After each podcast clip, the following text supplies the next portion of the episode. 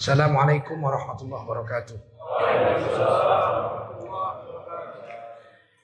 Hamdan wa syukran lillah wa salatan wa salaman ala rasulillah wa ala alihi wa sahbihi wa mawalah. Allahumma salli ala nabiyyina Muhammadin wa ala alihi wa sahbihi ajma'in. Amma ba'du qala Allah Ta'ala fi kitabihil karim. A'udzu billahi minasy syaithanir rajim. Bismillahirrahmanirrahim. Huwa alladhi arsala rasulahu bil huda wa dinil haqq liyuzhirahu 'ala ad-din kullihi walau karihal musyrikun walau karihal musyrikun Qala Rasulullah sallallahu alaihi wasallam Man kharaja fi talabil ilmi fahuwa fi sabilillah hatta yarji. Baginda Rasul bersabda siapa keluar untuk mendapatkan ilmu orang itu adalah orang yang berjihad fi sabilillah sampai dia kembali ke tempatnya. Mudah-mudahan kita semua mendapatkan pahala jihad dari Allah SWT. Amin. Sadaqallahul azim. Wa sadaqa rasuluhun nabiyul karim. Wa nahnu ala dhalika minasyahidin wa syakirin. Walhamdulillahi Rabbil Alamin. Para ulama, tuan-tuan guru yang berhadir, yang dimuliakan Allah SWT, segenap pengurus kenaziran masjid Fajar Ramadan, Johor Indah Dua yang dimuliakan Allah SWT di Medan. Bapak-bapak, ibu-ibu hadirin wal hadirat rahimakumullah. Wajiblah kita bersyukur pada Allah SWT Salawat dan salam kita sampaikan untuk baginda Rasulullah Sallallahu Alaihi Wasallam. Ketika Allah belum turunkan agama kepada manusia, manusia itu sudah punya insting untuk menyembah dan mengakui adanya kekuatan yang tidak kelihatan yang mengatur alam semesta. Di dalam setiap manusia sudah ada insting itu. Orang barat mengatakan there is one invisible hand behind the universe. Ada kekuasaan yang tidak nampak yang mengatur alam semesta ini. Meskipun dia belum dapat agama, belum datang nabi, belum datang wahyu. Insting itu sudah ada. Saya teringat waktu pesawat ulang alik antariksa Amerika Serikat diluncurkan pertama kali pakai manusia. Perempuan satu itu astronotnya. Challenger namanya. Yang ya Challenger yang satu Columbia. Yang diluncurkan ini Challenger. Kita saya nonton dibangunkan bapak saya tengah malam itu. Lihat nih. Kita pun lihatlah berdua saja sama bapak saya. Siaran langsungnya di televisi. Berulang-ulang udah check and recheck, check and recheck. Maka terbanglah, dada dada dada dada terbang. Begitu terbang 72 detik saja. Meledak di udara. Hanya 72 detik Challenger meledak di udara. Oh kita shock juga itu. Mati semua pastilah. Itu bakar begitu. Tidak lama astronot Amerika yang pertama kali mendarat di bulan diwawancarai oleh wartawan. Gimana ini? Kok bisa meledak mati semua? Apa kata astronot itu? Again, we'll just have to believe that there is one invisible hand behind the universe. Saya dengar gitu, hmm, betul juga. Meskipun orang Amerika itu banyak yang ateis. Mereka bilang, I am Christian but I don't believe in God. Banyak mereka begitu. Kristen tapi nggak percaya Tuhan. Itu di Amerika banyak. Ateis. Ada yang agnostik lagi. nggak percaya agama. Dia percaya ada Tuhan penguasa alam, tapi nggak percaya agama. Itu namanya agnostik. Tadi malam saya di Facebook ada satu orang bilang, marganya Sinu Haji. Dia bilang, saya nggak percaya dengan agama. Agama itu membodohi umat. Saya jawab, bagaimana kau mau tahu Tuhan kalau nggak lewat agama? Agama itu wahyu yang dibawa Allah kepada Nabi untuk menjelaskan siapa Allah itu. Ya, akhirnya dia nggak percaya. Ya itulah agnostik. Saya percaya ada Tuhan semesta alam tapi nggak percaya dengan agama. Apalagi sama ulama. Nah, Rocky Gerung termasuk salah satu yang agnostik itu. Tapi ini ateis. Ateis itu nggak percaya Tuhan. Nggak ada Tuhan. Semua alam semesta jalan dengan sendirinya. Tapi waktu meledak Challenger dia akan bilang again we'll just have to believe that there is one invisible hand ya, behind the universe. Mau tidak mau kita harus percaya ada kekuatan yang nggak nampak yang mengatur alam semesta ini. Ngaku. Karena belum ada nabi, belum ada wahyu, ya mereka pakai akal. Orang Batak menyebut Tuhan semesta alam itu mula Raja Nabolon. Sebelum datang agama, dia sudah percaya. Orang Karo menyebut Tuhan semesta alam itu Dibata. Belum ada agama. Tapi dia sudah percaya. Oh Dibata. Nah, kalau dia minta-minta dia panggil Dibata. Orang Jawa menyebutnya Betoro Gusti. Betoro Gusti. Orang Inggris menyebutnya God Almighty. Orang Cina menyebutnya Tien. Orang Melayu, Sumatera, sampai Malaysia, sampai ke Brunei menyebutnya Tuhan. Apalah? Apa itu? Kekuatan yang nggak kelihatan yang ngatur alam semesta. Jadi sudah ada, meskipun agama belum sampai, wahyu belum sampai, Nabi belum ketemu dengan dia. Dan cara menyembahnya cara dialah. Di manalah kira-kira Tuhan itu ya dicarinya. Jumpa pohon kayu besar. Ah, Di sinilah Tuhan itu katanya. Nah, di sinilah Tuhan itu. Kalau begitu akan kusembah besok. Mikir dia malam itu. Apalah yang cocok untuk nyembah Tuhan ini. Ah, dia suka makan ayam bakar. Dibakarnya ayam. Datang dia ke pohon kayu itu. Oh apalah namanya. Mula Raja Nabolon kah? Dibata kah? Tuhan kah? Betorokus. Apalah. Oh Tuhan. Terimalah persembahanku. Persembahan Nyembah. Bikinnya sajen-sajen di situ. Itulah cara manusia menyembah Tuhannya. Sampai zaman modern ini, kalau nggak dapat agama, dia nggak dapat wahyu, nggak dapat nabi, ya begitu.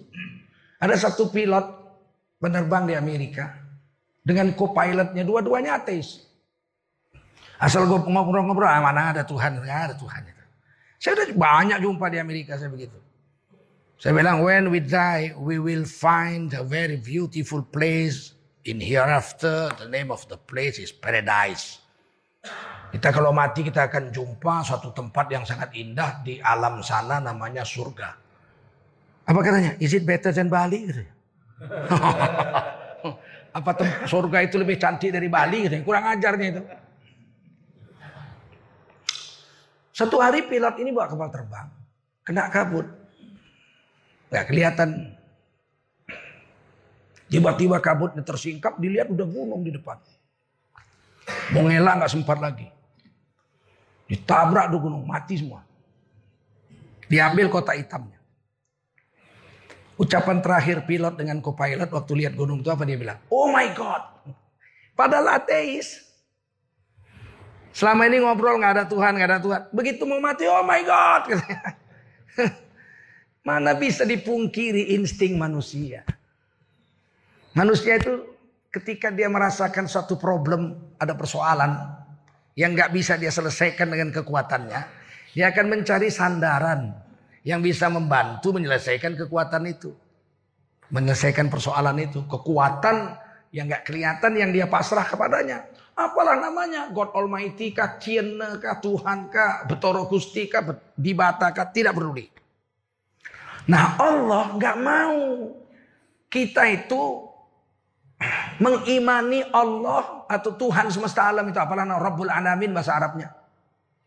Pengatur seluruh alam semesta ini kita mau mengimaninya pakai akal kita Allah nggak mau. Pasti sesat. Maka Allah turunkanlah Nabi. Melalui Nabi itulah Allah kirim wahyu. Ada 124 ribu nabi dan rasul. 313 rasul, 25 rasul yang wajib kita kenal namanya. 5 rasul ulul azmi yang paling menderita untuk umat ini. Satu sayyidul anbiya wal mursalin. Jadi nabi bukan 25, 25 itu yang wajib kita kenal, rukun iman. Nabi itu menurut hadis Ibnu Hibban Yang soheh 125 ribu nabi. 313 rasul sebagian dikisahkan sebagian enggak. Nabi Armaya, Nabi Daniel, Nabi Samuel, Nabi Samud, itu Nabi. Khidir, Zulkarnain. Itu dikisahkan, ada yang tidak dikisahkan. Nah, Nabi-nabi ini dapat wahyu. Kirim kepada manusia. Hudal linnas untuk menjadi petunjuk manusia. Bagaimanakah Tuhan itu? Siapa Tuhan itu? Bagaimana menyembahnya? Apa yang Allah ridho, waktu makan, waktu minum segala macam itu, itu syariat namanya, diajarkan mulai dari akidah, bab keimanan, syariat, bab kehidupan sehari-hari, ibadat dan lain-lain, baru bab akhlak. Bagaimana akhlak manusia supaya jadi terhormat dunia dan akhirat. Itu tugas nabi-nabi membawa wahyu. Nah.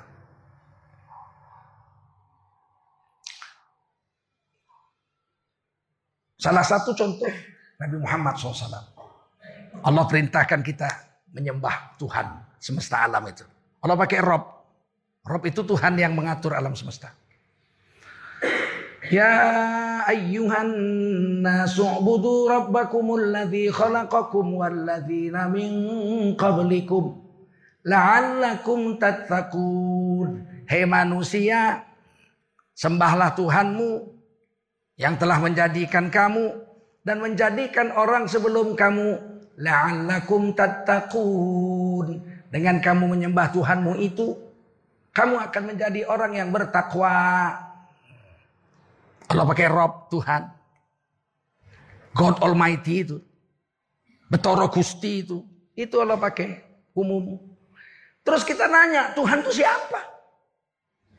Siapa Tuhan itu? Apakah di Bata, apakah Mula Raja Nabolon? Atau God Almighty kah? Atau Tiana kah? Apa? Allah beri wahyu lagi. Surah Toha ayat 14. Innani anallah. Sesungguhnya aku adalah Allah. Nah, jadi Tuhan yang kau sembah itu Allah. La ilaha illa ana. Tiada sesembahan yang layak disembah kecuali aku.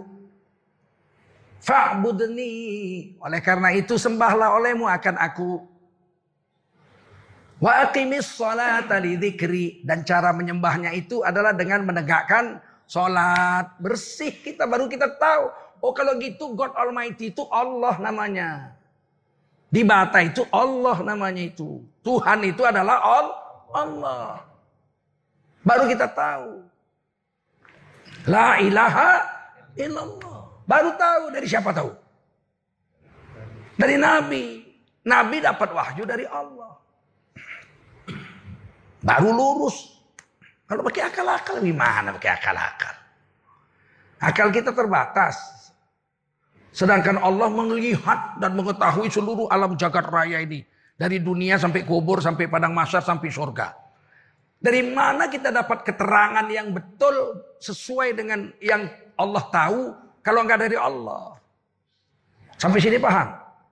Makanya heran saya masih ada orang agnostik, nggak percaya agama, gila bener. Dia bilang saya percaya Tuhan, tapi nggak percaya agama. Terus dari mana dia tahu Tuhan itu siapa? Terus bagaimana dia cara menyembah Tuhan itu? Alasannya karena Tuhan tidak punya agama. Goblok.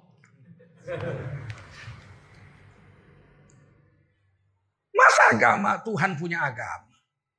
Agama itu hudal linnas untuk manusia, bukan untuk Allah. Perlu apa? Perlunya supaya manusia itu betul-betul sampai kepada Allah itu cara menyembahnya dan menyebut namanya, mengikuti aturannya sesuai dengan maunya Allah. Kayak pabrik lah bikin mobil Mercy. Kenapa dia keluarkan buku status? Supaya yang punya Mercy itu tahu bagaimana merawat Mercy itu sesuai dengan pabrik Mercy. Penumpangnya lima orang, maksimal 500 kilo. Datang dia beli Mercy harga 2 miliar. Sayang kali duit semahal ini nggak dipakai. Dipakai dia ngangkat sawit. Remuk tuh. Mercy dua bulan aja. Jok-joknya jebol semua. Karena statusnya tidak dipakai. Nah status kita itu makhluk ciptaan Allah. Betul? Sebagai makhluk kita harus menyembah Al-Khaliq. Sang pencipta itu. Terus gimana menyembahnya? Kata Allah, wa aqimis salata li. Untuk menyembah aku tegakkan sholat. Bukan kau bikin sajen-sajen. Itu menurut akalmu. Dan akalnya pun tak masuk akal pula. Dulu, dulu waktu saya kecil-kecil. Itu di sepanjang laut Sumatera Timur. Belawan, Panton Labu, Pantai Cermin, Sialang Buah, Pagurawan. Itu setiap tahun ada acara menjamu laut. Menjamu laut. Setahun sekali dibikinlah makanan ayam goreng, ayam panggang satu. Pakai pulut kuning, pakai bendera-bendera isinya telur. Hah? Pakai bunga-bunga dianyutkan ke laut. Apa katanya? Kita memberi makan laut. Setelah laut memberi makan kita setahun, kita balas pula lah ngasih makan. Ngasih makan laut sesampan. Mana kenyang laut. Nah itulah gilanya akal manusia itu. Allah nggak mau kita seperti itu. Main akal-akalan begitu. Mas, akal pun tak masuk akal pula. Laut segitu luasnya. Dikasihnya makan sesampan. Ketawa laut lihatnya. Gila kau kan. Gila kau kan. Tapi kan merasa betul manusia dengan akalnya itu. Waktu melepaskan sampan itu dinyanyikanlah syair. Ahoy, jembalang laut, jembalang angin, jembalang air, jembalang tanah, segala macam jembalang. Anaklah cucu minta rezeki. Ahoy, lah ahoy, ahoy. Minta rezeki mau jembalang. Jembalang itu artinya jin. Jembalang itu jin. Kalau orang Malaysia menyebutnya mambang. Jembalang laut, jembalang air, jembalang tanah, jembalang angin, jembalang semua jembalang dipanggil. Anak cucu minta rezeki. Katanya jamu laut, tapi yang dipanggil jembalang. Nggak, nggak cocok akalnya itu. Makanya nggak bisa mengenal Allah sang pencipta alam semesta itu pakai akal nggak cukup akalmu. Tunggu kabar dari Allah. Dia sendiri yang bisa menjelaskan siapa dia. Setuju?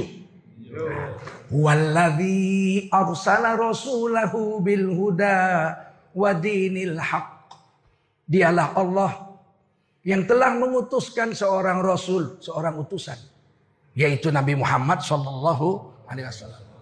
Bil huda membawa petunjuk kehidupan. Jadi Nabi Muhammad itu bawa hidayah, bawa petunjuk, bukan bawa budaya. Bukan bawa budaya. Kalau budaya itu, itu asal kata budi tambah daya.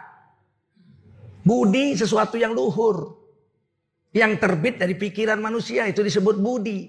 Daya kekuatan satu suku untuk bisa eksis, untuk bisa hidup menghadapi tantangan.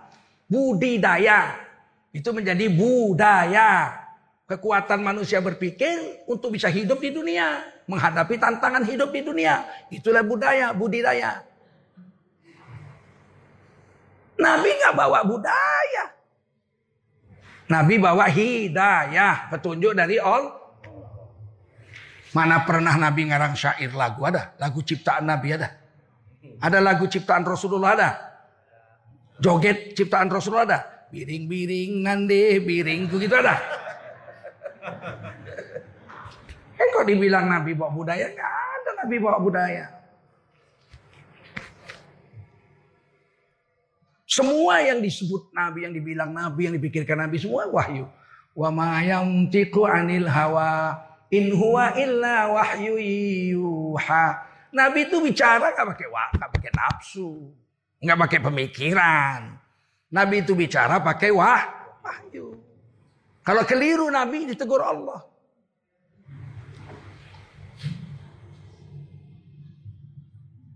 Satu hari Nabi sedang dakwah Walid bin Mughirah.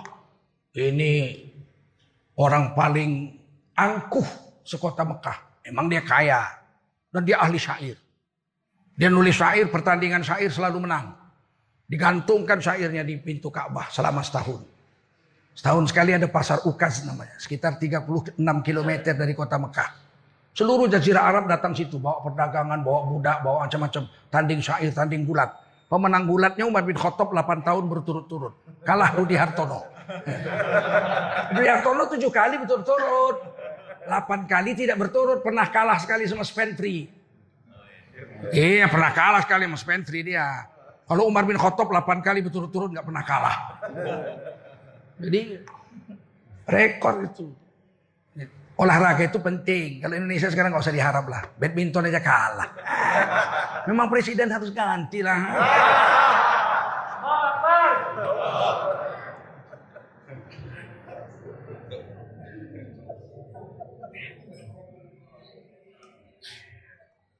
Jadi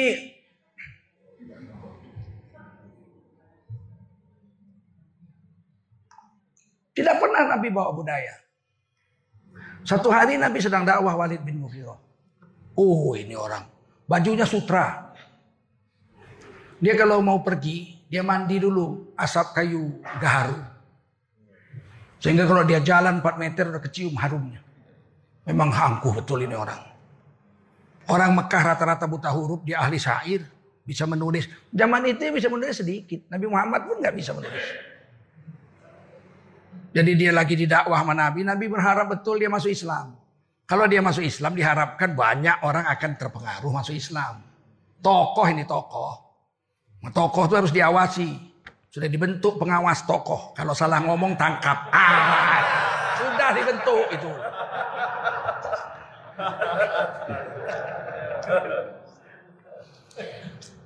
Tiba-tiba datang muazin Rasul.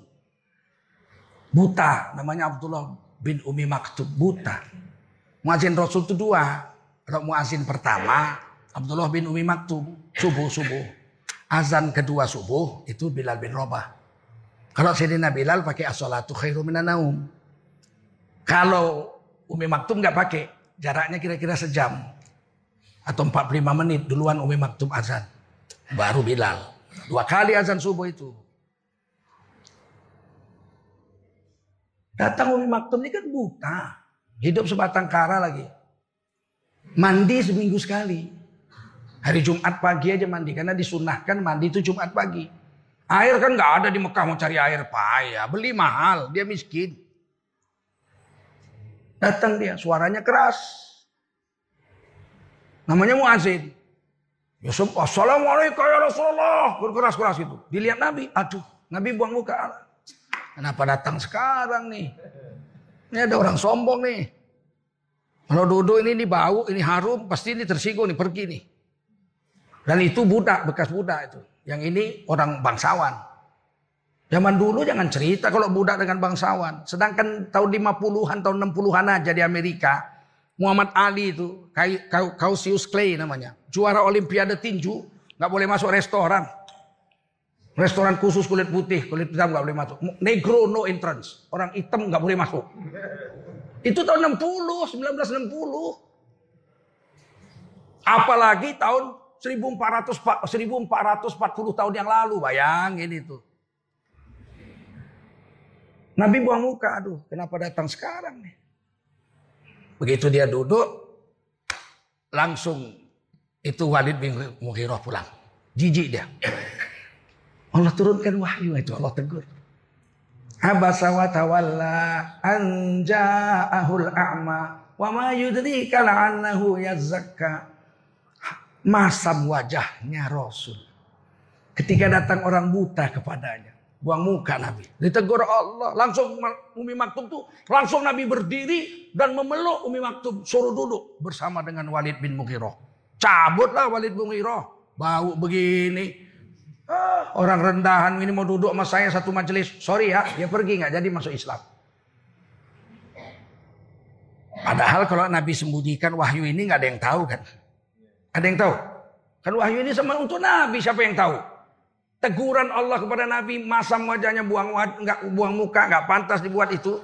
Itu kalau Nabi sembunyikan kira-kira kita tahu nggak ceritanya? Tapi Nabi nggak menyembunyikan. Nabi itu bersifat tabligh, wajib menyampaikan semua wahyu. Satu huruf pun nggak boleh hilang. Ah. Orang-orang jil jaringan Islam liberal pernah menuliskan ini. Di satu majalah dia bilang Nabi Muhammad itu tidak maksud. tidak terpelihara dari dosa. Nabi Muhammad itu berdosa.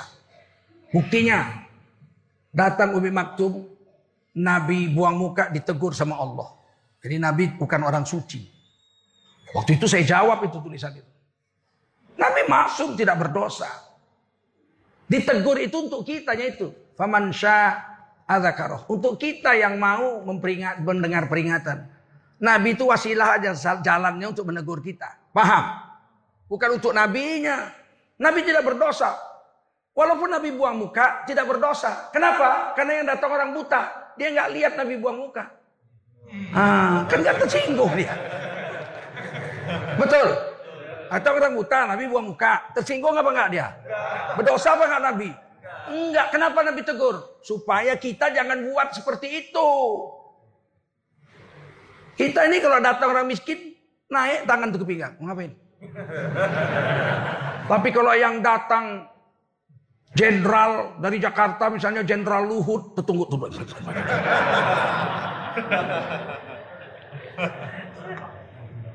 Kala innaha tazkirah. Jangan seperti itu, ini peringatan. Paham? bagi orang yang mau mendengar peringatan. Begitu hebatnya Rasul. Tidak bicara dengan wah jadi Nabi nggak bawa budaya. Ah Nabi kan pakai jubah serban. Iyalah, tapi bukan budaya yang seperti dianggap orang. Kan sekarang udah beredar tuh cerita di medsos-medsos. PKI PKI lah itu. Siapa lagi yang benci sama ulama kan PKI. Tengkujulkan lain, ulama abal-abal. Modal serban jenggot, pakai daster. Ini di belakangnya daster. Memang goblok, Pak ya. Gimana ngelawan orang seperti itu coba? Sekolah pun tidak, dia PKI pula mungkin. Mana kita lawan orang itu? Biarkan aja lah sampai dia kenyang. Terserah dia. Memang yang namanya kodok itu bencana itu. Ya, zaman Nabi Musa Fir'aun diserbu kodok, habis semua dimakan kodok sayur-sayur, makanan semua hancur, semua dimakan kodok. Jadi kodok itu sejak zaman Fir'aun sudah problem aja. Kita mau melawan gitu.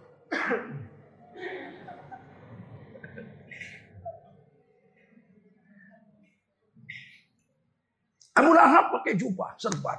Nabi juga pakai jubah serban. Manalah sama serban Abu Lahab dengan serban Rasul. Serban Rasul syariat. Nggak nyeret-nyeret tanah, nampak mata kakinya. Betul. Jubah Nabi. Serban Nabi itu ada ekornya. Paling panjang sehasta, paling pendek segenggam. Kadang-kadang ekornya satu, kadang-kadang ekornya dua. Itu ditulis di hadis. Artinya Nabi berbeda dengan Abu Lahab. Kalau Abu Lahab itu jubahnya nyeret-nyeret tanah. Biar cepat robek, biar dia beli lagi. Sebab baju harganya waktu itu 400 dirham. Sama dengan harga perisai perang. Orang semua ditenun pakai tangan kok. Mana ada yang murah. Kira-kira kain songket lah. Berapa coba sebiji? Hah. 20 juta sekarang itu kain songket itu. Supaya cepat robek seret-seret tanah. Nabi diangkat. Nggak boleh isbal. Keluar hadis Nabi. Jangan isbal. Naik. Serbannya begitu. Tidak boleh menutup kening. Untuk sujud. Dan sebagainya. sebagainya. Diatur. Jadi walaupun itu budaya. Tapi kemudian ditukar oleh Nabi menjadi syah syariat. Mana ada Nabi bawa budaya? Budaya-budaya Arab itu kalau betul dibiarin sama Nabi. Kalau salah sedikit perbaiki. Kalau salah banyak buang. Begitu. Budaya Arab kalau anak lahir sebelah kambing. Akikah namanya. Sebelah kambing. Dagingnya dibuang ke gunung-gunung untuk makanan dewa-dewa. Dibiarkan busuk di gunung-gunung. Darahnya ditampung. Taruhkan dalam mangkok. Anaknya kepalanya dicukur. Sudah gondol kepalanya dicuci pakai darah kambing itu. Itu akikah cara jahiliyah. Oleh Nabi nggak dibuang akikah itu tetap ada. Dua ekor untuk anak laki-laki, satu ekor untuk anak perempuan. Bagaimana caranya? Sebelih tanah. Itu darahnya ditanam. Kan udah beda itu. Tidak lagi ditampung. Dagingnya dimasak enak-enak. Dikasih makan tetangga semua kenyang-kenyang. Namanya akikah. Cukur rambut tetap cukur. Tapi tidak dicuci dengan darah kambing. Tapi dioleskan minyak kesturi kalau bisa kalau minyak wangi. Kemudian rambutnya itu ditimbang dengan emas. Seberat rambutnya itu emas yang ditimbang tadi disedekahkan untuk orang miskin atau perak. Berubah, tetap namanya akikah. Tapi berubah menjadi syari syariat, dikerjakan sunat muakkad. Salah sedikit perbaiki. Kalau salah banyak buang. Misalnya apa? Orang Arab kalau ngambil anak angkat, binnya bin bapaknya. Nabi Muhammad sempat. Ada seorang anak negro dijual di pasar Ukaz, dibeli oleh Siti Khadijah, ibunda dan istri kita, istri Rasul. Kemudian oleh ibunda Khadijah dihadiahkan sama Nabi. Nabi nikah sama ibu Khadijah. Nabi kan tidak punya anak laki-laki. Sayang kali Nabi dengan Zaid bin Harithah ini. Di mana-mana digendong Nabi, dibawa Nabi naik onta ke mana-mana lah dipeluk-peluk Nabi. Sampai diganti Nabi namanya Zaid bin Muhammad. Zaid bin Muhammad. Datang wahyu. Lebih berhaklah orang itu berbin kepada bah, bapaknya. Diganti Nabi lagi. Zaid bin Harithah. Tapi sempat Zaid bin Muhammad. Maka Nabi beritahu kalian kalau ngangkat anak jangan pakai pakai bin kalian, tetap bin bapaknya. Ditukar sama Nabi. Anak angkat dapat warisan. Zaman dulu ribuan tahun. Oleh Nabi dihapus. Anak angkat tidak dapat warisan. Anak angkat kalaupun mau dikasih karena dari kecil kita pelihara diberilah dia wasiat. Dan wasiat tidak boleh lebih dari sepertiga. Berubah. Adat budaya itu berubah. Yang paling hebat anak angkat haram dikawini. Itu ribuan tahun sampai zaman Nabi Ibrahim. Anak angkat tidak boleh dikawini. Dianggap anak kandung kan dapat warisan. Binnya pun bin bapak angkatnya. Istri anak angkat tidak boleh dikawini. Walaupun anak angkat kita sudah mati, istrinya janda tak boleh kita kawini. Itu ribuan tahun. Turun wahyu. Aduh, memang Rasulullah beratlah jadi Rasul. Harus melawan adat ribuan tahun, bayangin. Ketika Zaid bin Harithah ini dewasa, Nabi nikahkan Zaid bin Harithah dengan sepupu Rasulullah SAW yang cantik jelita. Orang bangsawan Quraisy kulitnya putih, namanya Zaid Zainab binti Jahsh. Nikah, rumah tangga tidak harmonis. Karena yang satu mantan budak, satu bangsa. Pun dua-duanya solehah. Penghafal Quran dua-duanya. Cerai. Begitu cerai, Zaid nikah dengan pembantunya Ibunda Khadijah. Namanya Umi Aiman. Hafal Quran 30 juz. Negro juga. Sama-sama kulit hitam. Kawin anaknya putih. Osamah bin Zaid namanya. Sempat Zaid goncang jiwanya. Ya Rasul, aku hitam, istriku hitam. Terus anakku putih gimana? Kira-kira kalau kita bayangkan selingkuh lah biniku gitu ya. Tapi nggak berani bilang sebab ini Umi Aiman, wow, dia doa goncang langit. Jangan main-main Umi Aiman ini. Rasulullah ngerti. Aku mengerti perasaanmu. Sabar kau. Walaupun kau hitam, istrimu hitam, anakmu putih, sabar. Nanti Allah akan beri pemecahan jalan. Jangan kau curiga sama istrimu, istrimu orang soleha. Gak enak juga lah. Satu hari dalam satu perjalanan musafir, Zaid bin Harithah tidur dengan anaknya Usama bin Zaid satu selimut. Tidur satu selimut, kakinya kelihatan empat pasang. Kan keluar, kelihatan tuh kakinya empat pasang. Lewat satu orang ahli genealogi namanya. Ahli keturunan. Kalau sekarang tes DNA. Sekarang tes DNA berani nggak? Kalau kau anak PKI tes DNA kan gitu. Kalau saya berani saya tes DNA. Pasti saya anak Tengku Rafiuddin. Jelas itu. Kalau saya berani saya. Jadi rupanya zaman dulu belumlah tes DNA, guratan-guratan kaki. Ada satu orang ahli genealogi duduk dekat situ dia lihat kaki. Diambilnya lampu. Dilihatnya empat kaki itu. Rasul heran nih ngapain orang lihat kaki. Rasulullah panggil, ngapain kamu? Ini kaki ajaib ya Rasul. Kenapa? Yang satu hitam, yang satu putih. Iya, tapi ini bapak sama anak. Rasulullah pun terkejut. Begitulah zaman dulu ilmu ya. Dari mana kau tahu ini bapak sama anak? Lihat Rasul nih. Ini goresan kakinya nih. Ha. Ini sama nih. Ah, nih. Ah, ah nih. Ah, ini sama nih kan. Ah. Ini mesti bapak mana? Dibangunkan Rasul terus. Zaid bangun, Zaid bangun. Ada apa ya Rasul? kabar gembira. Kata ahli genealogi ini, kamu ini anak beranak dengan Zaid bin Haritha, dengan Usama bin Zaid. Dari gorasan kaki, duratan kakimu ini, ini anak kandungmu. Kalau sekarang kira-kira tes DNA lah. Walaupun dia putih, kau hitam, istrimu hitam, ternyata memang anakmu ini kan gitu. Entah kenapa lah waktu terjadinya itu mungkin ada petir ya kan. Jadi putih lah kau.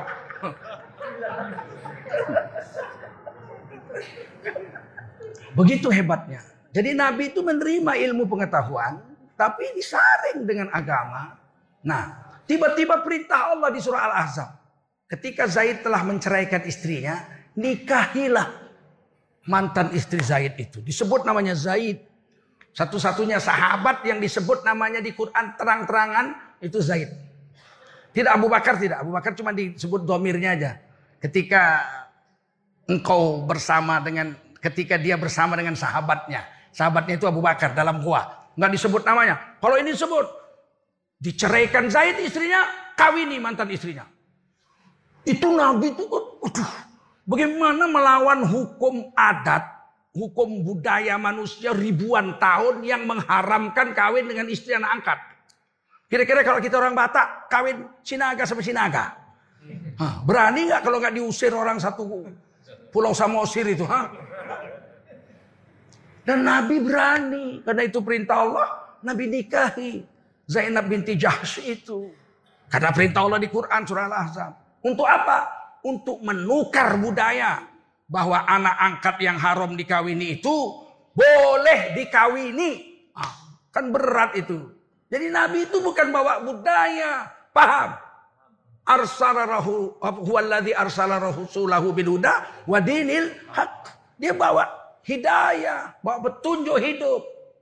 Wa dinil haq dan membawa agama paling betul. Paham sampai sini? Paham?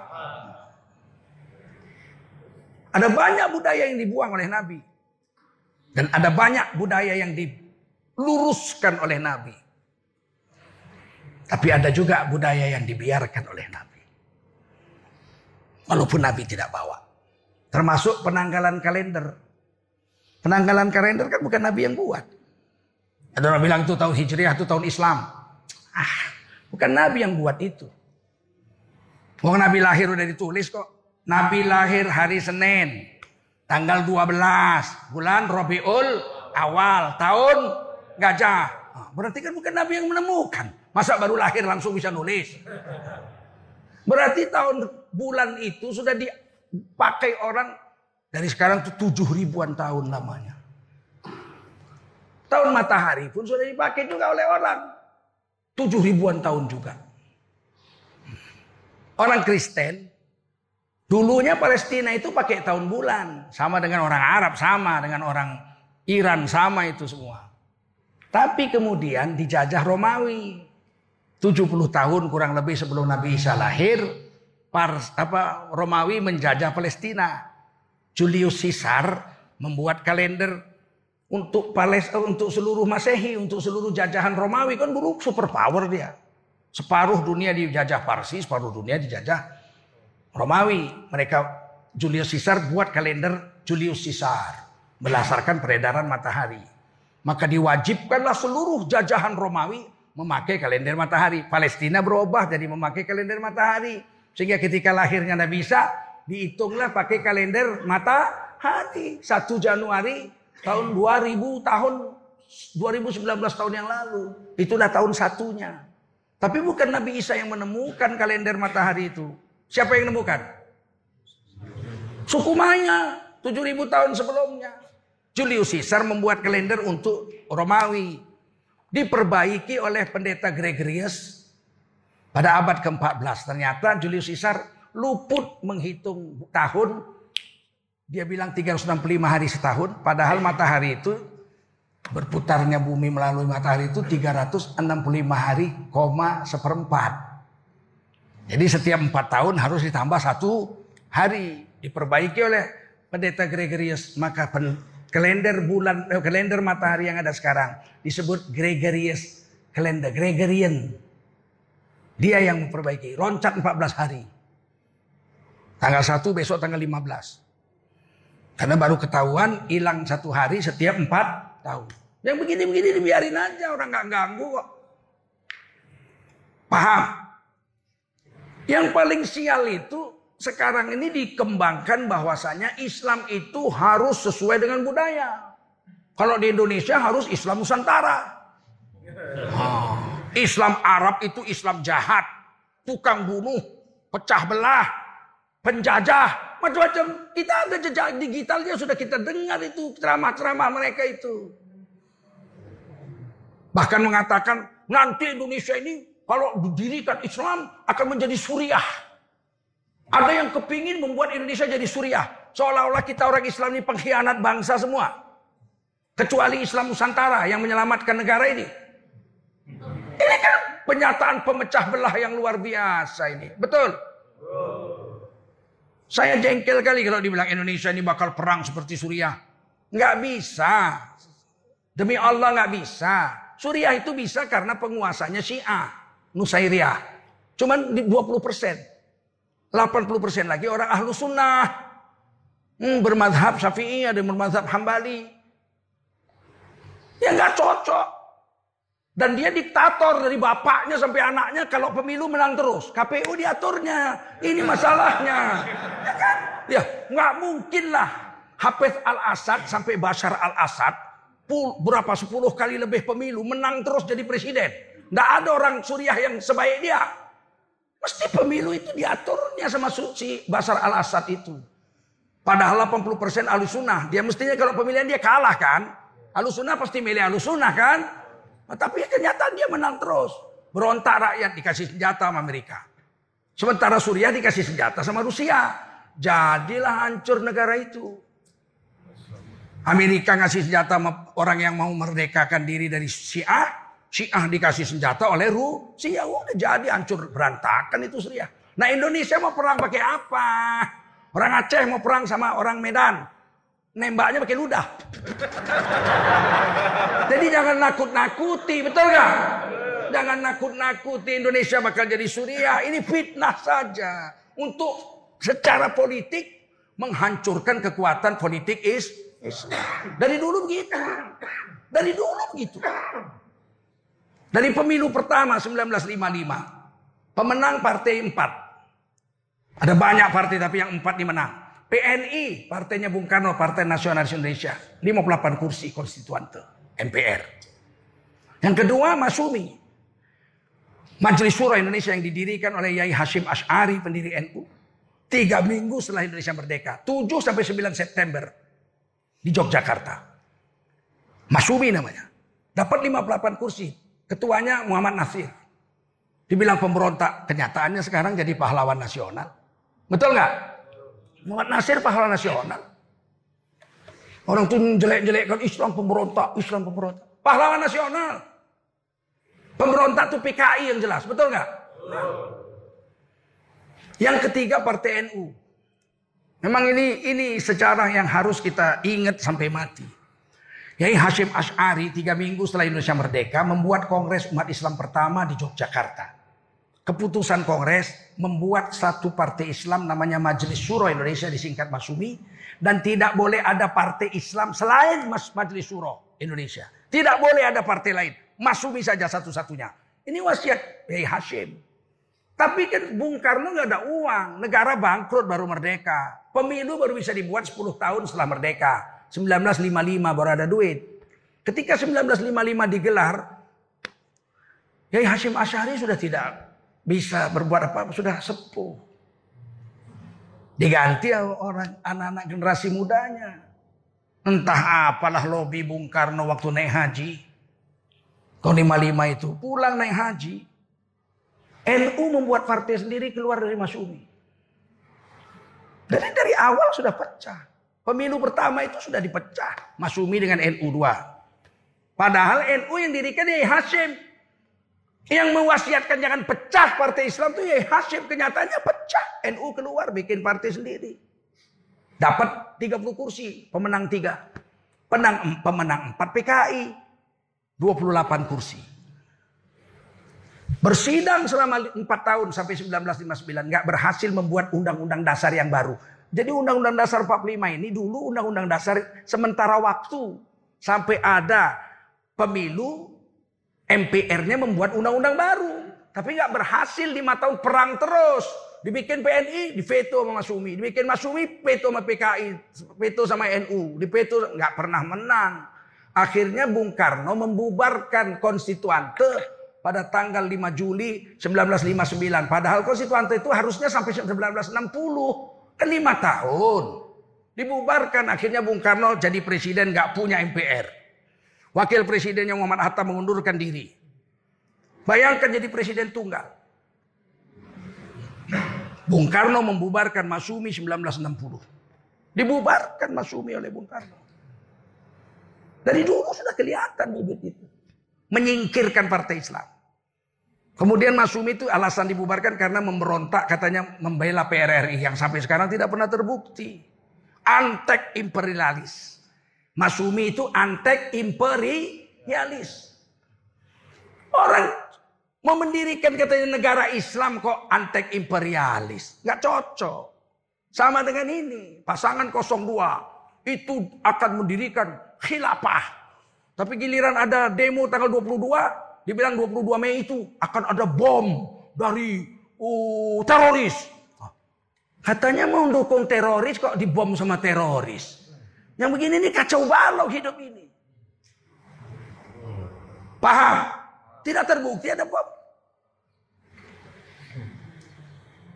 Jadi sebenarnya kita harus tahu paham betul bahwa orang Islam ini harus bersatu. Tidak boleh ada lagi bertengkar-bertengkar soal kunut subuh lah, soal ini itu. Yang penting bagaimana orang Islam bersatu. Kalau Indonesia nanti jadi negara Islam, jadi negara yang soleh, kita bukan mau menukar jadi Quran hadis. Kita mau menjalankan Pancasila Undang-Undang Dasar 45 100 persen. Agama dijalankan 100% dijamin oleh Pancasila dan Undang Dasar 45 pasal 29 ayat 2. Negara menjamin tiap-tiap warga negara untuk memeluk agama garis miring kepercayaan dan menjalankan agama garis miring kepercayaannya masing. Kita dijamin. Mau milih pemimpin yang soleh dijamin.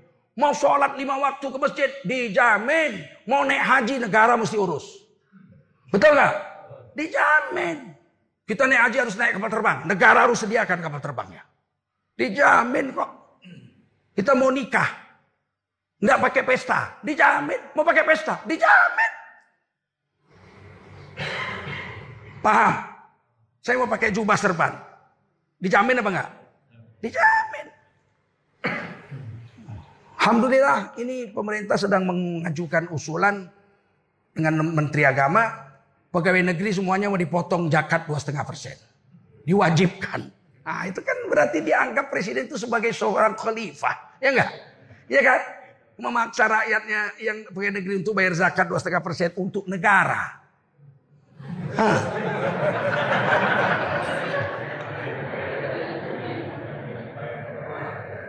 Meskipun sekarang saya lihat NU keberatan. NU keberatan. Muhammadiyah sudah mulai nulis surat bagaimana ceritanya.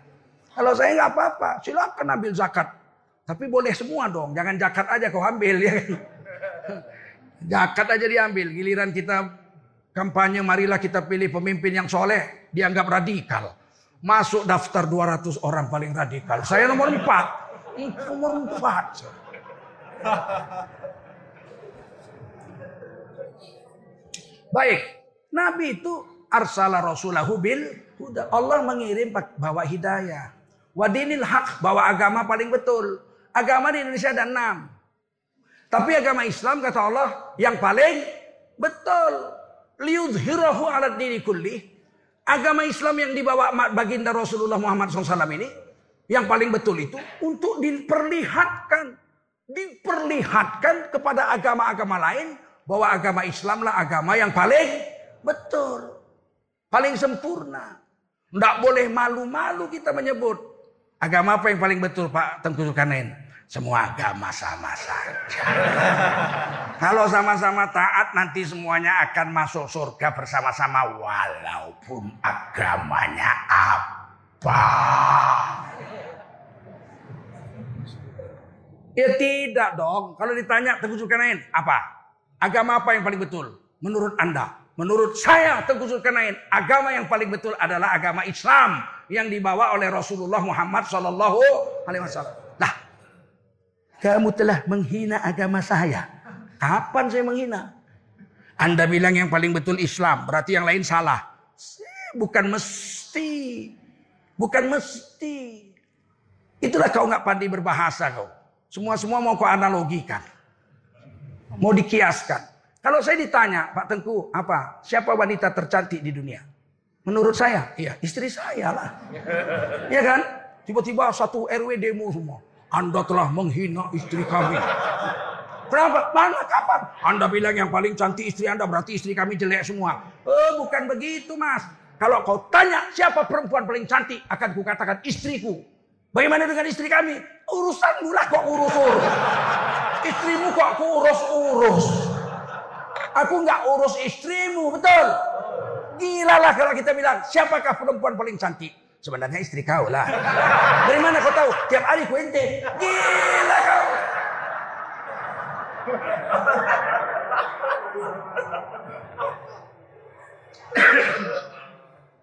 Paham? Nah ditanya, agama apa yang paling betul Tengku Zulkarnain? Menurut Tengku Zulkarnain, agama Islam lah yang saya anut ini. Bagaimana dengan agama saya? Kau agama apa? Kristen, Protestan. Kau tanyalah sama pendetamu. Siapa pendetamu? Si Galingging. Tanya sama pendeta si Galingging. Gila kau kau tanya pula urusan agamamu sama aku. Paham? Agama terbaik agama saya. Agama kalian urusan kalian. Lakum dinukum. Begitu. Tapi hari ini kita ditekan. Kalau mengatakan agama Islam paling baik berarti menghina agama yang lain. Ini ada setan besar di Indonesia betul. Ada setan besar. Jadi yang mengadu domba itu bukan kita. Yang membuat resah itu bukan kita. Yang mengadu domba dan membuat resah adalah orang yang menyesatkan cara berpikir yang waras. Menurut Rocky Gerung begitu. Paham kira-kira? Paham? Dari dulu pun kita diajari. Tujuh presiden sebelumnya bahwa toleransi itu adalah membiarkan agama orang dan tidak ikut campur dengan agama orang. Lakum dinukum. Kita ini mengakui ada agama lain di Indonesia enam. Wajib diakui. Ada berapa agama di Indonesia? Enam. Betul. Tapi kita tidak wajib mengakui kebenaran agama orang. Kita mengakui keberadaan agama Kristen. Mengakui keberadaan agama Katolik. Tidak boleh diganggu itu. Mengakui keberadaan agama Buddha, agama Hindu dan Konghucu. Silakan mereka hidup subur di Indonesia. Saya nggak mau ngurusin dan kalian pun jangan urusi agama kami. Lakum dinukum simpel. Tapi sekarang ini enggak. Jangan menganggap agama kalian yang paling betul. Terus semua agama sama saja. Kalau gitu ngapain ada agama? Kalau sama aja tukar-tukar lah ya enggak. Hari ini Islam, hari raya besok ya enggak. Hari Natal nanti kita Kristen ya kan supaya makan babi panggang. Gila. Pemikiran apa seperti ini? Kembali kepada ayat. Walladzi arsala rasulahu bil huda wa dinil haq. Dialah Allah yang telah mengutuskan seorang rasul yaitu Nabi Muhammad Shallallahu Alaihi bil membawa betul bagaimana cara makan, bagaimana cara tidur, bagaimana cara kawin, bagaimana cara mati, bagaimana cara setelah mati lengkap. Laqad kana lakum fi rasulillahi uswatun hasanah. Sungguh telah ada pada diri Rasul itu contoh teladan yang baik untuk kamu ikuti. Dan agama yang paling betul itu. Sudah selesai. Jadi hiduplah cara Islam, kafah dari ujung rambut ujung kaki. Bagaimana cara membersihkan diri kita yang kotor ini? Salat, inna salata illa salati kafaroh lima bainahuma. Terus apa lagi? Puasa. Man soma Ramadan imanan wahtisaban ghufirallahu ma taqaddama min dzambihi. Siapa puasa benar-benar iman, dasar iman dan ikhtisaban. Ikhtisaban itu menjaga diri dari kerusakan akibat mata lihat aurat orang, kuping, pemikiran tangan dijaga, maka seluruh dosanya seumur hidup diampuni Allah SWT. Terus bagaimana lagi? Naik haji. Langkah pertama keluar dari rumahnya Bismillahirrahmanirrahim untuk naik haji seluruh dosanya diampuni oleh Allah Subhanahu wa taala. Nah, itu cara-cara membersihkan diri. Bukan mandi. Aku supaya bersih aku mandilah aku di air tujuh pancuran. Tujuh pancuran, tujuh lubuk, sembilan kolam. Mandi di tujuh lubuk, sembilan kolam. Pakai bunga macan kera. Membersihkan diri itu pakai cara Allah dan Rasulnya. Paham? Bayar zakat. Kalau orang kaya, dua setengah persen dari hartanya. Setiap tahun. Tapi ada nisab, ada batas minim, minimal. Kalau punya harta senilai 82 gram emas, Disimpan setahun, jadi sekitar 50 juta sekarang. Disimpan setahun, nggak diambil-ambil karena ada sumber makan yang lain. Maka harta yang disimpan senilai 82 gram emas itu wajib dizakati dua setengah persennya. Seperempat puluhnya. Kasih sama orang miskin, fakir miskin. Begitu. Kalau dia bukan orang kaya, ukuran kaya di dalam Islam itu jelas. Kalau ukuran dunia nggak jelas. Siapa orang kaya? Siapa? Tommy Soeharto. Merasa belum kaya dia. Bill Gates, dia belum merasa kaya, masih kerja terus kok. Kalau udah kaya kan berhenti. Ah, kaya udahlah, tinggal makan-makan sampai mati. Semua masih kerja, berarti kan belum merasa kaya. Kalau dalam Islam jelas kaya. Kaya itu adalah orang yang memiliki harta senilai 82 gram emas.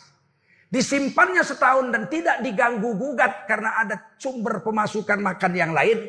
Maka dia orang kaya dalam Islam dan wajib membayar zakat seperempat puluhnya. Selesai. Wah saya nggak ada emas, ada harta saya saya simpan cuma 200 ribu. Itu hajab. Makan aja saya terpaksa tambah kipas angin. Kok kipas angin? Ya nasi segenggam teri seekor. Masih kurang belum kenyang, mangaplah di depan kipas angin. Kalau gitu nggak usah bayar zakat, berarti anda orang miskin. Anda terima zakat, betul nggak? Anda terima zakat. Saya tidaklah miskin pak, kalau makan cukup lah ini. Tapi untuk bayar zakat harta saya memang nggak punya harta. Oh, kalau begitu Anda bayar zakat fitrah saja. Zakat fitrah itu cuma 2,7 kg beras. Kalau diduitkan 3,8. Karena Imam Hanafi satu-satunya madhab yang membolehkan bayar zakat fitrah pakai duit.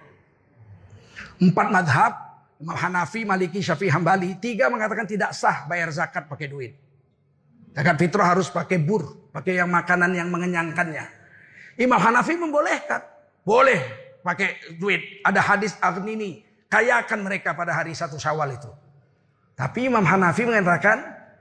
Baru sah zakat itu 3,8 kilo. Jadi kalau kita mau mengambil pendapat Imam Hanafi. Boleh pakai duit 3,8 jangan 2,7. Saya nggak peduli. Saya pokoknya 2,7. Saya ikut Imam Syafi'i. Imam Syafi'i bilang harus beras. Oh saya nggak mau beras, saya mau duit. Ikut Imam Hanafi. Imam Hanafi bilang 3,8. Jangan atur-atur. Terserah saya. Agama bukan terserah nenek moyang kita. Paham?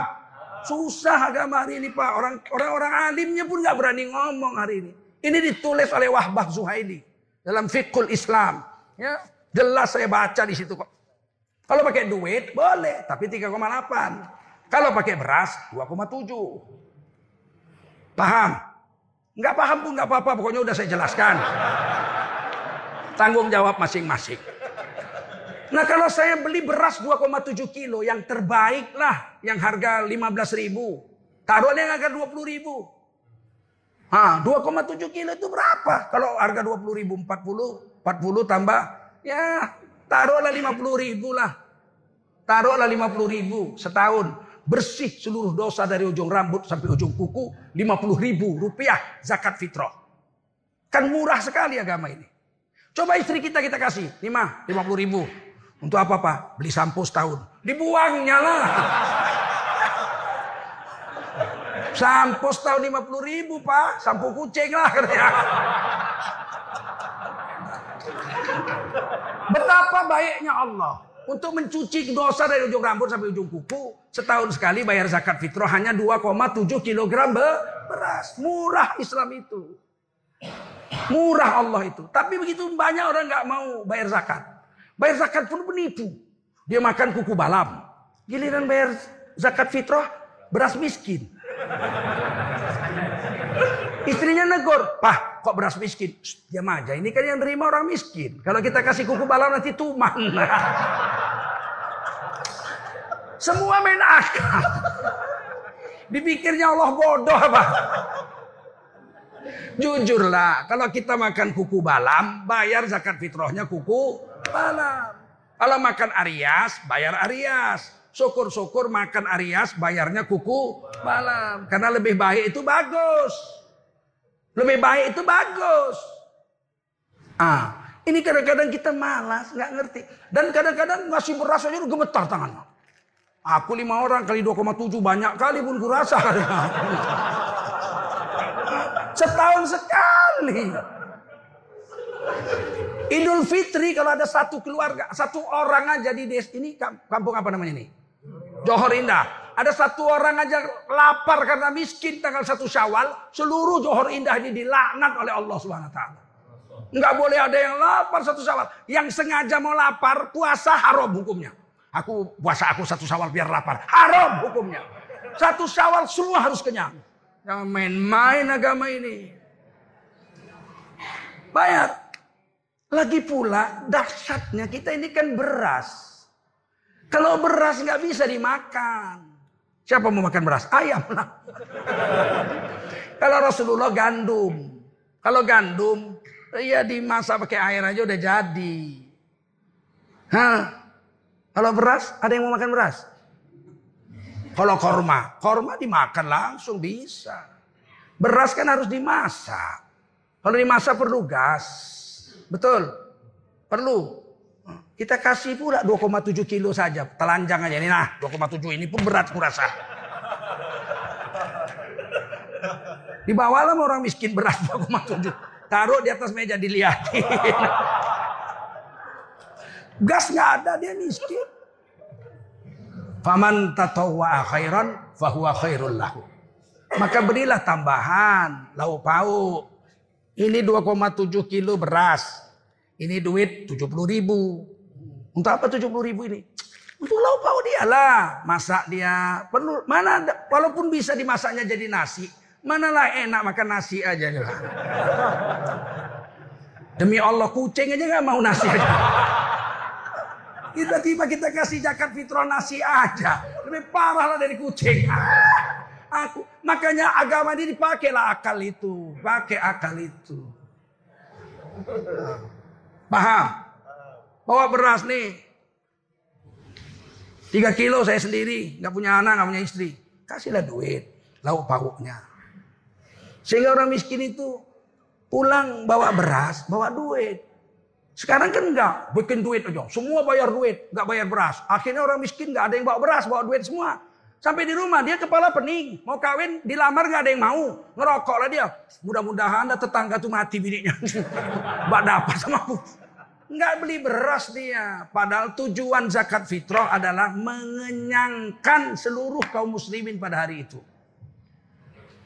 Sampai sini paham ya? Ah, mudah-mudahan Bikinlah mulai hari ini kita ini pikul. Saya itu selalu malam hari raya itu saya bayar malam hari raya atau dua hari sebelumnya. Saya nggak kasih orang lain pikul. Saya pikul sendiri. Meskipun anak saya cuma dua, saya tiga orang. Saya beli 30 kilo beras, satu karung. Pikul. Supir saya bilang biar aku pikul, Pak, minggir kau. Apalah kau pikul. Ini dosa-dosa aku setahun tau kau. Mau kucampakkan pikul. Nangis juga kita ya Allah. Satu tahun dibanyak kali dosa ya Allah. Mudah-mudahan kau terimalah zakatku bersihlah dosaku. Nangis juga kita. Kalau pakai duit mana ada. Sombong pun. Berapa? Itulah hebatnya filosofi Islam itu dipikul. Dan kita pun menerimanya panitia ada adabnya, terima. Doakan. Wasalli alaihi. Doakan dia. Dan doanya diajar Nabi dalam Quran. Dalam tafsir Sobuni saya baca itu. Al-Baqarah 261. Ajarakallahu fima. Wa barakallahu fima abqaita. Wa ja'alallahu laka tahura. Insyaallahu minal aminin. Itu doa yang diajar Nabi. Nabi terima sedekah. Itu di doa Nabi. Semoga Allah mengganjari dengan pahala apa yang kau bayarkan pada hari ini. Wa abqaita. Dan semoga Allah memberkati wabarakallahu fima abqaita. Harta yang masih tinggal di rumahmu diberkati. Yang kau bayar hari ini diganjari pahala. Wa ja'alallahu laka tahura dan Allah jadikan kamu bersih lahir batin dari ujung rambut sampai ujung kuku dengan zakat ini. Insya Allah minal aminin. Mudah-mudahan kita dalam golongan orang yang aman sejahtera sampai hari kiamat. Salam. Dia pun senang. Pulang tuh bisa nangis dia. Didoakan Ustadz juga aku. Padahal kue eje dia kambing, kambing, kambing. Doa. Sekarang enggak lagi. Saya udah kadang-kadang saya lihat gitu. Duduk panitia zakat tuh. Datang kawan. Hei, apa? Membayar zakat. Oh ya, bawa beras ya. Harus ya. Harus udah ya. Iya, apa ini? Kalau duit baru ditanya ya. Beras? Enggak, duit. Ah, sini. Aduh. Ah, mudah-mudahan tahun ini double. Duit juga, beras juga. Beras wajib, duit sedekah. Nah, berasnya wajib, duitnya sun. Terbalik, jangan duitnya yang wajib, berasnya yang sedekah. Jangan, terbalik. Berasnya wajib, tetap bayar beras 2,7 kilo satu orang. Tapi kasihlah duit. Sehingga mudah panitia pun enak nulisnya di papan tulis terkumpul zakat fitrah tahun ini 3,7 ton. Duit, nah, ada lagi duitnya.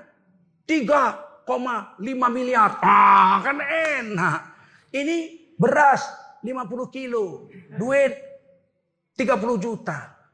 Dibayar sama orang miskin. Saya udah pernah itu bayar zakat sama tetangga. Orang miskin tetangga saya bayar zakat. Hari raya datang di hari pertama. Habis khutbah apa hari raya datang dia bawa anak istrinya. Pakai sepatu anaknya, ketip-ketip lampunya, ketip. Ketip, ketip. Saya lihat gitu, anakku aja nggak pakai lampu. Terus dia bilang sambil malu-malu, aku pak orang miskin pak. Kepikir kali aku membahagiakan anakku pak. Aku belikan dia pakai lampu. Zakat itu untuk makan bukan untuk beli lampu. Ah. Ah, mudah-mudahanlah ceramahnya ada manfaat. Lebih kurang mohon maaf ya insyaallah ya. Subhanallah bihamdihi subhanakallahumma wa bihamdika asyhadu an la ilaha illa anta astaghfiruka wa atubu ilaik. Subhana rabbika rabbil izzati amma yasifun. Wa salamun alal mursalin walhamdulillahi rabbil alamin.